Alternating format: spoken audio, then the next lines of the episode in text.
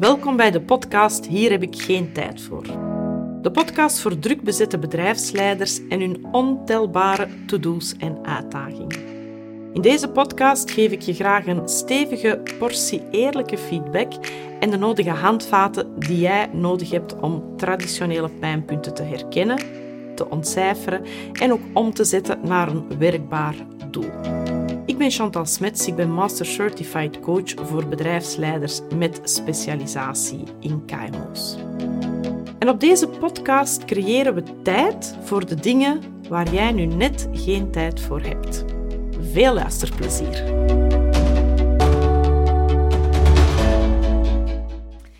In deze aflevering 6 heb ik het heel graag met jou over grenzen bepalen. De quote die ik eraan wil kleven is: Uw grenzen stellen, dat geeft eigenlijk vrijheid. Welkom op deze podcast. Op de podcast hier heb ik geen tijd voor. Nu, je bent dan ook waarschijnlijk iemand met weinig tijd en de podcast duurt maximum 20 minuutjes, dus een gemiddelde autorit. Wat wil ik vandaag met u bespreken? We gaan het thema grenzen stellen aankaarten. Nu, grenzen stellen dat is door de jaren uh, ervaring als coach heb ik toch wel gemerkt dat dat echt wel een issue is. Grenzen stellen is niet zo evident. En grenzen stellen, dat kun je op heel veel verschillende manieren benaderen. Um, ik heb hier twintig minuten om dat hier aan u uit te leggen. Dus um, we gaan eens kijken wat dat de info is die ik u kan geven en die dan ook echt relevant is. Nu, waarom is grenzen stellen zo moeilijk? Grenzen stellen, dat is heel moeilijk, omdat wij allemaal heel graag gezien willen worden. Wij willen gewoon ergens bij horen, wij willen graag gezien worden. En vaak gebeurt het dat je grenzen stelt, dat je de indruk hebt, wat niet altijd waar is, dat je voor jezelf kiest. Of dat je daardoor de ander benadeelt. Terwijl ik zelf van het principe ben, als ik grenzen stel, dan ben ik ook vooral duidelijk naar anderen. De jaren hebben mij ook wel geleerd hoe ik grenzen moet stellen. En uh, ja, de eerlijkheid uh, vraagt mij om u te zeggen dat ik dat toch ongelooflijk krachtig vind en dat mij dat ongelooflijk veel innerlijke rust geeft. Dus grenzen stellen zorgt voor innerlijke rust. Innerlijke rust zorgt ervoor dat je veel meer vormen van leiderschap in de wereld kunt zetten en dat voedt dus ook de anderen. Maar goed, wat wil ik allemaal meegeven met u? Uiteraard het belang ervan. Wat is nu het belang van grenzen stellen? Waarom zouden dat überhaupt doen? Hetgeen dat ik heel vaak te horen krijg is van, goh, ik vind het echt moeilijk om grenzen te stellen, want ik hou niet van conflicten. En conflicten, dat wordt heel vaak geassocieerd met grenzen. En onlangs had Lena een afspraak bij mij. En Lena is uh, een pittige tante, toch wel, een toffe madame. En ze is eigenlijk manager in een groot bedrijf. Zij heeft daarboven ook een leider uh, die voor haar zorgt. En die leider durft in haar beleving er toch wel eens de kantjes aflopen. Zij zelf heeft een heel hoog please-gehalte. Um, ze doet ongelooflijk veel huren, wat absoluut niet nodig is in mijn beleving, maar ze eh, doet dat vooral om te voldoen aan zijn eisen. Hij, die dan de opdrachtgever is, uh, en die dus met mij het intakegesprek heeft gedaan, omdat hij de opdrachtgever van het coachingtraject is, is zich daar duidelijk niet bewust van. Ze krijgt eigenlijk dat traject van hem omdat hij haar dat gunt. Hij voelt ergens wel dat ze niet zo goed in haar vel zit.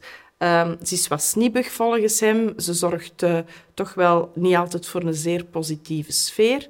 Um, en ja, dat is de reden waarom dat ze dus eigenlijk initieel op coaching komt. Dus je ziet al zelfs in het begin zijn er al twee verschillende invalshoeken. Uiteraard vraag ik er dan op door. Uh, maar tijdens het coachinggesprek begin ik met haar te praten en het duurt niet lang of de tranen springen gewoon in haar ogen. En ik voel echt dat er heel veel opgekropte gevoelens zitten um, en ik laat haar gewoon rustig vertellen. En, en ze benoemt letterlijk het feit dat ze uitgeput is. Ze benoemt ook dat ze bang is. En ze weet eigenlijk niet goed waarom dat ze bang is. En dan begin ik met de zoektocht naar haar noden. Wat zijn haar behoeftes? Wat zijn haar nodig? En al, al gauw merk ik dan dat ze die eigenlijk opzij schuift, omdat ze zo graag goed wil doen. Wat eigenlijk resulteert in het feit dat ze niet genoeg grenzen stelt, dat ze niet duidelijk genoeg is in wat ze wel en niet verlangt, in wat ze aan kan en wat dat ze niet aan kan. En natuurlijk, ja, daar gaat zij geen stap mee verder. Integendeel, um, ze gaat eigenlijk zelfs al wat richting burn-out, waar ik dan wel toch mijn bezorgdheid over heb. Um, en ik ga met haar dan kijken, wat kunnen we stap voor stap doen? Wat maakt het voor haar zo onwennig om die grenzen te stellen? Welke grenzen kan ze al wel stellen en welke vindt ze echt een hele uitdaging? En hoe kunnen we dan die grenzen in mini-stapjes activeren? Want natuurlijk, je hoeft niet ineens heel robuust al je grenzen te gaan stellen. Dat werkt ook weer niet. De kunst is eigenlijk om het eerst voor jezelf te fine-tunen en dan te gaan zeggen van oké, uh, hier stel ik mijn grens, hier zeg ik nee tegen. En zo zijn we eigenlijk begonnen met die heel kleine momentjes, die kleine stapjes, dat ze toch wel nee tegen de dingen heeft durven zeggen. En wat was het resultaat? Dat ze eigenlijk heel verrast was dat er een normale reactie op kwam. Ze kreeg dus geen conflict situaties. Iedereen vond het niet meer dan normaal dat ze op sommige dingen nee zei. En zo is ze dus eigenlijk stap voor stap vooruit gegaan. En ik moet zeggen, op het einde van het traject was ik echt wel trots op haar, want ze had echt wel heel, heel grote stappen gezet. Ze had bereikt wat dat ze wou. Ik kreeg achteraf ook de feedback van de leider dat ze veel rustiger was, veel ontspannender was. En dus in zijn beleving was dat vooral waar het traject ook uh, zijn, zijn succes had gehaald. Dus voilà. En zoals in de vorige aflevering van Geen Tijd voor Emoties, uh, waar ik dan vertelde over de irreële angsten hè, die we dan krijgen door onze verbeeldingskracht, zo moeten we ook eens gaan kijken naar de beelden en de doemscenario's die ons heel vaak in oude patronen houden. En dat is ook zo in deze situatie. Want we stellen vaak geen grenzen, omdat er ergens een stemmetje in ons hoofd heeft gezegd dat dat niet oké is. Maar misschien is dat gewoon niet uw eigen stem. Misschien is dat een stem van vroeger of een stem van uw ouders die je nog steeds influisteren dat je toch maar niet te veel voor jezelf moet kiezen. En grenzen stellen, hmm, wees er toch maar voorzichtig mee. Mijn ouders hebben heel vaak gezegd, je moet een lief meisje zijn. Maar ik heb door de jaren geleerd dat het niet altijd succesvol was. Dus ik heb die overtuiging toch een klein beetje naast mij neergelegd. Nu, veel uh, leiders zeggen tegen mij, ja, maar ik wil echt helemaal niet zo koud en kil overkomen. En als je zo je grenzen stelt, alleen dan komt het toch wel vaak heel streng of heel kil over. Nu, nee, daar ben ik, ben ik het eigenlijk niet echt mee eens. Jaren geleden volgde ik een uh, negendaagse training bij Anne Linde. Anne is van, ik denk van 1978, was zij oprichter van de New York uh, Institute of NLP en zij heeft uh, een ongelooflijke kennis rond boundaries. Grenzen stellen, zij, uh, ik denk zelfs in de tijd dat ik het gevolgd heb bij haar, dat ze ongeveer een 80 jaar was. Uh, ze zat op een stoel met een wandelstok, heel sereen, een heel bijzondere dame. Je moet ze maar eens googlen. ik heb er ongelooflijk veel van geleerd. En alles ging rond grenzen stellen. Uh, het is echt een heel impressionante dame. Ik ben er ook van overtuigd dat je er nog wel wat YouTube-filmpjes van vindt. Maar tijdens die sessies werd mij ook vooral duidelijk over mijn eigen relatie met grenzen. Ik heb heel veel geleerd waar ik bijvoorbeeld makkelijk grenzen kan instellen en waar het voor mij veel moeilijker is. Ik heb ook begrepen waar ze vandaan kwamen en hoe dat ik ze dan kon aanpassen. En dat is ook iets wat ik aan u wil vragen. Van, het is niet dat je geen grenzen kunt stellen of altijd grenzen stelt. Er is ook weer zo een nuance van. In sommige grenzen zijn ze gewoon wel goed. En in andere grenzen zijn ze vooral niet goed of vinden dat gewoon veel moeilijker. Dus probeer voor je eigen ook eens, hè, als je dan reflecteert, zoals ik in de vorige episode heb gezegd, probeer er eens over na te denken van wanneer is het nu voor mij gemakkelijk en wanneer is het moeilijk. Nu, wat mij altijd is bijgebleven is, je hebt altijd een keuze. En dat is een vorm van verantwoordelijkheid nemen. Mensen die bijvoorbeeld zeggen, ik heb geen keuze, die zeggen eigenlijk tegen u, ik wil hier de verantwoordelijkheid niet overnemen. En dat is ook wel een belangrijke. Als uw medewerkers dat zeggen, als uw team dat zegt, als uw partner dat zegt, ik heb geen keuze, weet dan dat dat vooral met verantwoordelijkheid te maken heeft. Maar goed, over grenzen kan ik uren praten. Hè. 20 minuten essentie is voor mij niet een evidentie nu. Um, en wat ik vooral wil meegeven is, er is, het is belangrijk om een groot onderscheid te maken tussen muren, grenzen en geen grenzen Want als je bijvoorbeeld zegt, ja, maar ik wil niet kil overkomen, dat wil zeggen dat je grenzen verward met muren. Er zijn mensen die muren optrekken. Mensen die bijvoorbeeld in hun verleden echt extreme pijnen hebben meegemaakt, in welke vorm dan ook, die trekken een muur. Daar kun je niet meer bij komen. En ja, dan wordt het kil en koud. Ook bedrijven bouwen soms muren op. Die laten hun mensen niet toe. Die zijn niet open genoeg. Die, die verkondigen niet wat ze willen of waar dat ze naartoe willen. Dus muren uh, is voor mij iets helemaal anders dan grenzen. Dus het is ook belangrijk dat je dat onderscheid goed uh, kent. Wat, wat doen muren nog? Muren zorgen ervoor dat je kijk op vrijheid geblokkeerd wordt. Je zet jezelf letterlijk achter de muur, je zet jezelf gevangen. Als je mensen kent die muren optrekken, dat zijn vaak mensen die heel moeilijk kunnen vertellen over wat er bij hen van, binnen leeft. Het is ook heel moeilijk voor die mensen om bijvoorbeeld emoties te vernoemen. En je hebt het gevoel dat je er niet bij kunt. Nu, grenzen stellen daartegenover, dat is iets helemaal anders. Dat is eigenlijk in uw eigen ik staan, maar wel met respect voor de ander. Dus eigenlijk is dat een stukje ik mag er zijn en jij mag er zijn. En grenzen zijn belangrijk. Grenzen zijn belangrijk voor uzelf, privé, maar ook in bedrijven. Bijvoorbeeld ook grenzen tussen ouders en kinderen. Ik hoor vaak zeggen, mijn kind is mijn beste vriendin of mijn moeder is mijn beste vriendin. Ja, dat is heel fijn en dat is tof en ik vind dat zelf ook heel tof, ergens moet daar ook wel een onderscheid, een grens gemaakt worden. Bedrijven die hun grenzen stellen, die maken het medewerkers eigenlijk heel gemakkelijk. Nu, dan heb je ook nog geen grenzen stellen. En dat is uh, ook, er zit ook een groot gevaar in omdat je jezelf dan verliest in de ander. Je leeft eigenlijk het leven van de ander. Je leeft niet meer je eigen leven. Je draagt over naar de ander. Dat wil zeggen dat je jezelf niet beschermt en misschien uw gezondheid niet beschermt, misschien uw, uh, ja, veerkracht niet beschermt, misschien uh, ja, uw eigen mening niet meer durft zeggen. Je gaat letterlijk een bijrol spelen. En dat is natuurlijk ook niet wat ik ga supporteren. Maar hoe, doe je dat dan? Want uh, ik heb u al veel over grenzen verteld, maar hoe doe je dat dan? Nu, mijn grote voorkeur gaat persoonlijk naar proactief grenzen stellen. Denk na over de dingen die je wilt en niet wilt en communiceer daar ook over. Ik vind het niet fijn dat. Ik zou liever hebben dat. Kunnen we afspreken dat? Hoe meer dat je dat op voorhand doet, hoe duidelijker je bent voor mensen. En hoe gemakkelijker het is om met je te communiceren.